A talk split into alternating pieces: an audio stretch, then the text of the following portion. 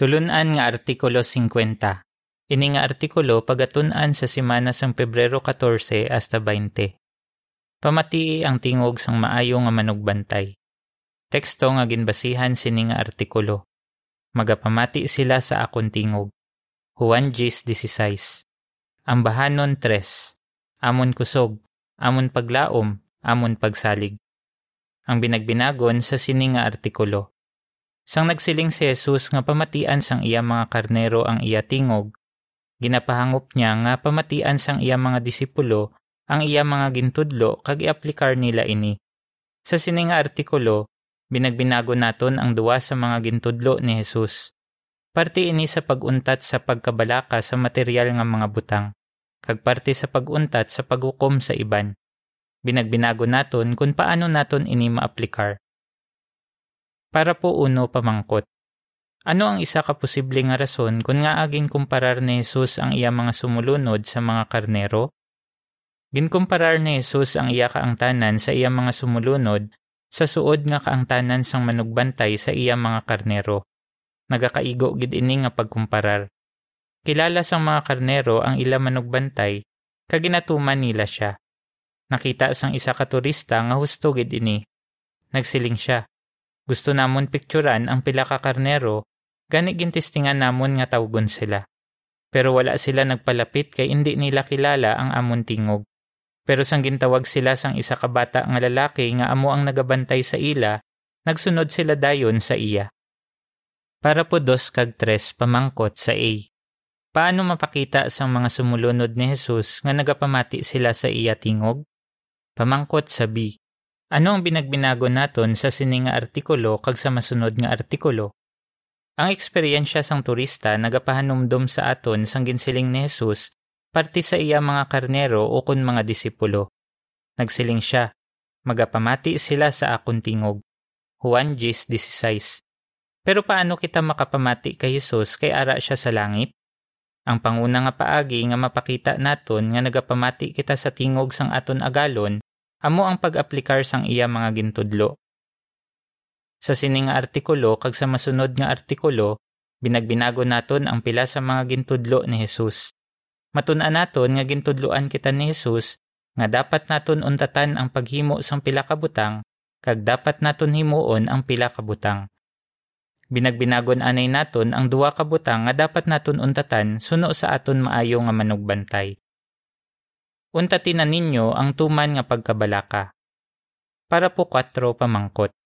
Suno sa Lucas 12.29, ano ang posibleng rason sang tuman nga pagkabalaka?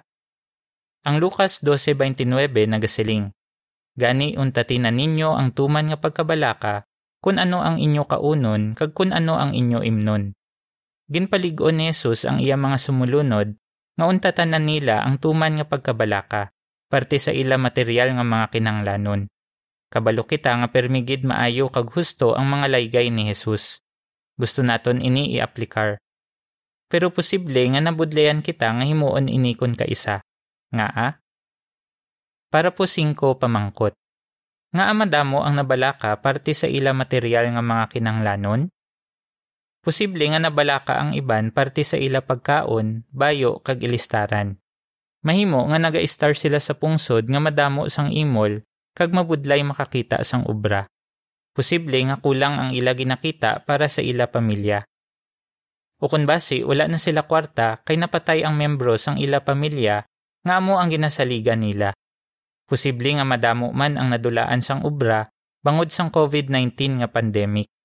Kung na-eksperyensyahan naton ini o kung ang iban pa nga kabudlayan, Paano naton matuman ang ginsiling ni Jesus nga untatan naton ang pagkabalaka?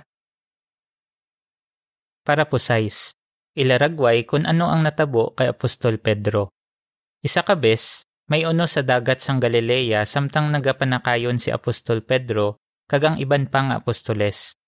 Dayon nakita nila si Jesus nga nagalakat sa ibabaw sang tubig. Nagsiling si Pedro, Ginoo, kung ikaw ina, Sugua ako sa pagpalapit sa imo sa ibabaw sang tubig. Sanggin silingan siya ni Jesus nga, Karika! Nagpanaog si Pedro sa sakayan kag naglakat siya sa ibabaw sang tubig kag nagpalapit kay Jesus. Talupang da ang masunod nga natabo kay Pedro. Bangod sa unos, Hinadlukan siya kag amat-amat nga naglugdang. Gani nagsinggit siya, Ginoo, luwas sa ako.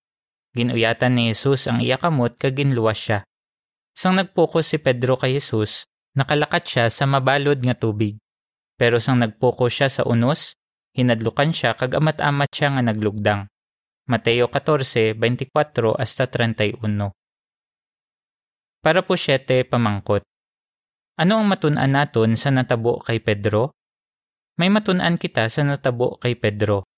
Sang nagpanaog si Pedro sa sakayan kag nagtapak siya sa tubig, wala siya nahadlok sa unos o kung nabalaka nga basi maglugdang siya. Gusto gid niya nga maglakat sa ibabaw sang tubig hasta nga makalabot siya sa iya agalon. Pero imbis nga padayon nga mag-focus kay Jesus, hinadlukan siya bangod sa unos. Kinanglan ni Pedro ang pagtuo para makalakat siya sa tubig. Subong, kinanglan man naton ang pagtuo para mabatas naton ang mga problema. Kung madula ang aton pagsalig kay Jehova kag sa iya mga promisa, magalugdang man kita o kung magaluya ang aton pagtuo. Gani kun maka-eksperyensya kita sang dalagko nga mga problema nga daw pareho sa unos, dapat padayon kita nga mag-focus kay Jehova kag sa iya ikasarang sa pagbulig sa aton. Paano naton ini mahimo? Para po otso pamangkot. Ano ang makabulig sa aton para hindi kita sobrang nga mabalaka parte sa aton material nga mga kinahanglanon? Imbis nga magkabalaka parte sa aton mga problema, dapat kita magsalig kay Jehova. Tandaan naton nga nagapromesa ang aton mahigugmaon nga amay nga si Jehova nga amanan niya kita sang aton material nga mga kinahanglanon kun unahon naton siya sa aton kabuhi. Permigid niya ginatuman ini nga promesa kung ginaatipan ni Hoba ang mga pispis kag ang mga bulak, may rason gid kita nga indi mabalaka parte sa aton kaunon o kun isuksok. Bangod ginahigugmas ang aton amay sa langit ang iya katawhan, ginaamanan niya sila sang ila material nga mga kinanglanon. Do pareho siya sa ginikanan nga nagaaman sa iya kabataan, bangod palangga niya sila. Gani makasalig kita nga atipanon gid kita ni Jehova. Ari ang paathag sa mga picture nga gingamit para sa parapusize hasta 8. Nadulaan sang obra ang isa ka brother. Kulang ang iya kwarta para sa mga kinanglanon sang iya pamilya. Kag kinanglan niya mangita sang bag-o nga ilistaran. Kung sobra gid ang iya pagkabalaka parte sa sini, posible nga hindi na niya mauna ang pag-alagad kay Jehova. Ang caption sini nga mga picture nagasiling. Sa baylo nga mabalaka sing sobra parte sa aton material nga mga kinanglanon, dapat naton pabakuron ang aton pagsalig kay Jehova. Para po nuebe pamangkot. Ano ang matun-an mo sa eksperyensya sang isa ka mag-asawa? Binagbinaga ang isa ka eksperyensya nga nagapakita nga amanan gid kita ni Jehova sang aton material nga mga kinahanglanon. Ginsugat sang isa ka mag-asawa nga pioneer ang pila ka sister nga naga-star sa refugee center para mag-attend sa meeting sang kongregasyon. Daan na ang ila sa lakyan kag sobra isa ka oras ang ila biyahe. Ang brother nagsiling. Pagkatapos sang meeting, ginhagad namon ang mga sister nga magkaon sa balay. Pero narealisar namon nga wala gali kami sing pagkaon. Ano dayon ang natabo? Ang brother nagsiling. Pag-abot namon sa balay, nakita namon sa pertahan ang duwa kadako nga plastik nga may unod nga mga pagkaon. Wala kami kabalo kung sino ang nagbilin sini didto. Ginatipan gid kami ni Jehova. Sang ulihi, naguba ang salakyan sang mag-asawa. Ginagamit nila ini sa ila pag-alagad, pero wala sila sing kwarta para ipakayo ini. Sang gindala nila ini sa mekaniko para mabalaan kung pila ang magasto nila sa pagpakayo sini, may isa ka tawo nga nag-abot kag namangkot. Kay sinuna sa lakyan. Nagsiling ang brother nga siya ang tag-iya sini kag kinanglan ini kay uhon. Ang tawo nagsiling. Amugid ni nga salakyan ang ginapangita sang asawa ko kag amugid ni nga kolor. Tikon baklon ko ni pila baligya mo. Okay lang sa akon bisan may guba. Ginbaligya ini sang brother sa tawo. Kag bastante ang ginbayad sa iya para makabakal sang lain nga salakyan. Nagsiling siya. Grabe gid ang amon kalipay sadto nga adlaw. Kabalo kami nga wala lang ato natabuan, kundi ginbuligan gid kami ni Hoba. Para po Jis, pamangkot. Paano kita ginapalig-on sang Salmo 37.5 nga hindi sobra nga mabalaka parte sa aton material nga mga kinahanglanon? Kung pamatian naton ang aton maayo nga manugbantay, kaguntatan naton ang sobra nga pagkabalaka parte sa aton material nga mga kinanglanon, makasalig kita nga amanan kita ni Jehova. Ang Salmo 37.5 nagasiling, Itugyan kay Jehova ang imodalanon, magsalig ka sa iya kag buligan kaniya. Binagbinaga ang mga sitwasyon nga ginsambit sa parapusing ko. Posible nga ginagamit ni Jehova ang ulo sang aton pamilya o kun ang aton amo para amanan kita sang aton mga kinanglanon sa adlaw-adlaw. Kung hindi na ini mahimo sang ulo sang aton pamilya o kung madulaan kita sang obra, buligan kita ni Jehova sa iban pa nga paagi. Makasaligid kita sa sini. Binagbinago naman naton ang isa pa kabutang nga dapat naton untatan suno sa aton maayo nga manugbantay. Untatin ninyo ang paghukom para po 11 pamangkot. Suno sa Mateo 7, 1 kag 2, ano ang ginsiling ni Jesus nga dapat naton untatan, kag nga ama budlay inihimuon? Ang Mateo 7, 1 kag 2 nagasiling, Untatin ninyo ang paghukom agud indi kamo paghukman sang Dios. Kay kun paano kamo nagahukom, amuman ang paghukom sang Dios sa inyo. Kag kun ano nga talaksan ang ginagamit ninyo sa iban, amuman nga talaksan ang gamiton nila sa inyo. Kabalo si Jesus nga hindi perpekto ang mga tawo, kag mas nagapokus sila sa sala sang iban. Gani nagsiling siya, untatin ninyo ang paghukom. Posible nga ginatinguan gid naton nga hindi pagukman ang aton mga kauturan, pero hindi kita tanan perpekto. Kung matalupang da naton nga may mga tion nga ginahukman naton ang iban, ano ang dapat naton himuon?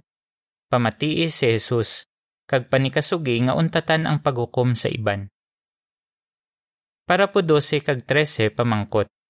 Kung pamalandungan naton ang pagtamod ni Hoba kay Hari David, paano ini makabulig sa aton nga untatan ang paghukom sa iban? Makabulig sa aton ang pagpamalandong sa halimbawa ni Hoba. Nagapokus siya sa maayo nga kinaiya sang mga tawo. Binagbinaga ang ginhimo niya sang nakahimo sang seryoso nga mga sala si Hari David. Nagpakigilay si David kay Batseba Kagin man ni obra pagani niya nga mapatay ang bana ni Batseba. Bangod sang ginhimo ni David, naganto siya kag ang iya pamilya, pati na ang iba niya nga asawa. Isa pa kabes, wala nagsalig si David kay Jehova. Nagmando siya nga isipon ang kadamuon sang mga soldado sang Israel, bisan pa wala siya ginsugo ni Jehova nga himuon ini.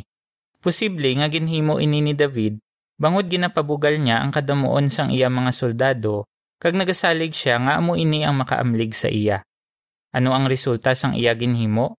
Napatay sa kalalatan ang 70 mil ka Israelinon. Kung ara ka sa Israel sadto nga tion, paano mo tamdon si David? Hukman mo bala siya nga hindi siya dapat pagpatawaron ni Jehova? Hindi amo sina ang ginhimo ni Jehova. Nagpokus siya sa katutom nga ginpakita ni David sa bilog niya nga kabuhi kag sa iya sincero nga paghinulsol. Gani ginpatawad ni Jehova si David sa iya seryoso nga mga sala. Kabalo si Jehova nga palangga gid siya ni David kag gusto niya nga himuon ang husto. Nagapasalamat gid kita kay nagapokus ang aton Dios sa aton maayo nga mga kinaiya kag ginahimo. Para po 14 pamangkot. Paano dapat tamdon sang isa ka Kristiyano ang iban para mauntatan niya ang paghukom sa ila? Nang ni Hoba nga makahimo kita sang sala bangod indi kita perpekto. Gani dapat manaton hangpon ang mga kakulangan sang iban kag dapat kita mag-focus sa ila maayo nga mga kinaiya. Sa masami, mas makita naton ang mga kakulangan sang iban kag ginahukman naton sila dayon. Pero kung ginailog naton si Hoba, maayo gihapon ang aton kaangtanan sa iban bisan pa kabalo kita sang ila mga kakulangan. Binagbinaga ang isa ka diamante kun wala pa ini makortihan kag mapahining, daw indi ini manami tan-awon. Pero kung nahangpan sang isa ka tawo ang balor sini, kabalo siya nga mangin matahom gid ini kun makortihan na ini kag mapahining. Pareho kay Jehova kag kay Jesus, dapat kita mag-focus sa maayo nga mga kinaiya sang iban, hindi sa ila mga kakulangan. Para po 15 pamangkot.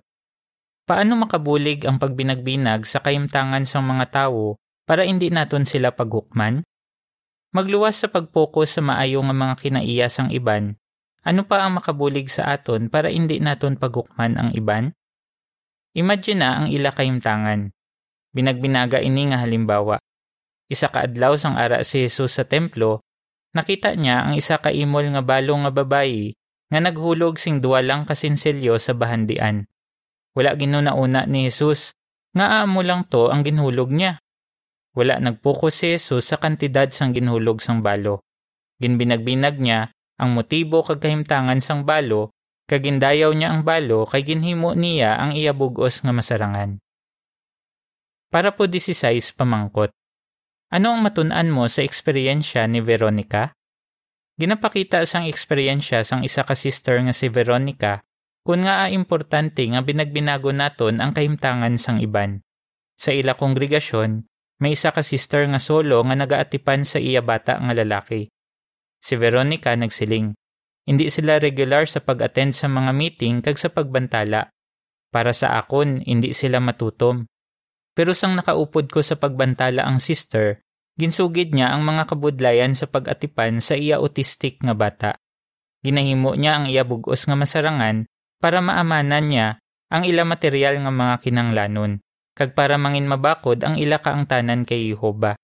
Kun kaisa bangod sang kondisyon sang iya bata, hindi siya maka-attend sa meeting. Gani sa iban siya nga kongregasyon naga-attend. Bangod sini, nakasiling si Veronica. Wala gid ako kabalo nga amugali sini kabudlay ang iya kahimtangan. Subong, palangga ka ginarespeto ko gid ini nga sister. Bangod indi lahog-lahog ang tanan niya nga ginahimo para maalagad niya si Jehova. Ari ang paathag sa mga picture nga gingamit para sa parapo 11, 14 hasta 16. Ulihi nag-abot sa meeting ang isa ka brother. Pero may maayo man siya nga mga kinaiya kay nagapanaksi siya sang indi formal. Ginabuligan niya ang isa katigulang kag nagapaninlo siya sa Kingdom Hall. Ang caption sini nga mga picture nagasiling. Kung mag-focus kita sa maayo nga mga kinaiya sang iban, mabuligan kita sini nga untatan ang paghukom sa ila. Para po 17 pamangkot. Ano ang ginasugo sa aton sang Santiago 2.8 kag paano naton ini mahimo? Ano ang dapat naton himuon kung matalupangdan naton nga ginahukman gali naton ang aton utod? Dapat naton dumdumon nga kinanglan naton higugmaon ang aton mga kauturan. Ang Santiago 2.8 nagasiling, Karon, kung ginatuman ninyo ang harianon nga kasuguan suno sa kasulatan, higugmaa ang imo isig katawo subong sang imo kaugalingon, maayo gid ang inyo ginahimo. Dapat man kita mga muyo sing hanuot kay Jehova kag pangabayon naton siya nga buligan kita nga mauntatan ang paghukom sa iban. Dayon himuon naton kun ano ang aton ginpangamuyo paagi sa pagpain sang tion para maistorya ang utod nga ginahukman naton. Paagi sa sini, mas makilala pagid naton siya. Pwede naton siya hagaron nga updan kita sa pagbantala o kun sa pagkaon. Samtang ginakilala naton sing maayo ang aton utod, tinguaan naton nga ilugon si Jehova kag si Jesus paagi sa pagpokus sa iya maayo nga mga kinaiya. Kung himuon naton ini, ginapakita naton nga ginapamatian naton ang sugo sang aton maayo nga manugbantay nga untatan ang paghukom sa iban. Para po 18 pamangkot. Paano naton mapakita nga nagapamati kita sa tingog sang aton maayo nga manugbantay? Pareho sa mga karnero nga nagapamati sa tingog sang ila manugbantay, Nagapamati man ang mga sumulunod ni Jesus sa iya tingog. Kung panikasugan gid naton nga hindi mabalaka parte sa aton material nga mga kinanglanon, kag kun untatan naton ang paghukom sa iban, pakamayuhon ni Jehova kag ni Jesus ang aton mga pagpanikasog.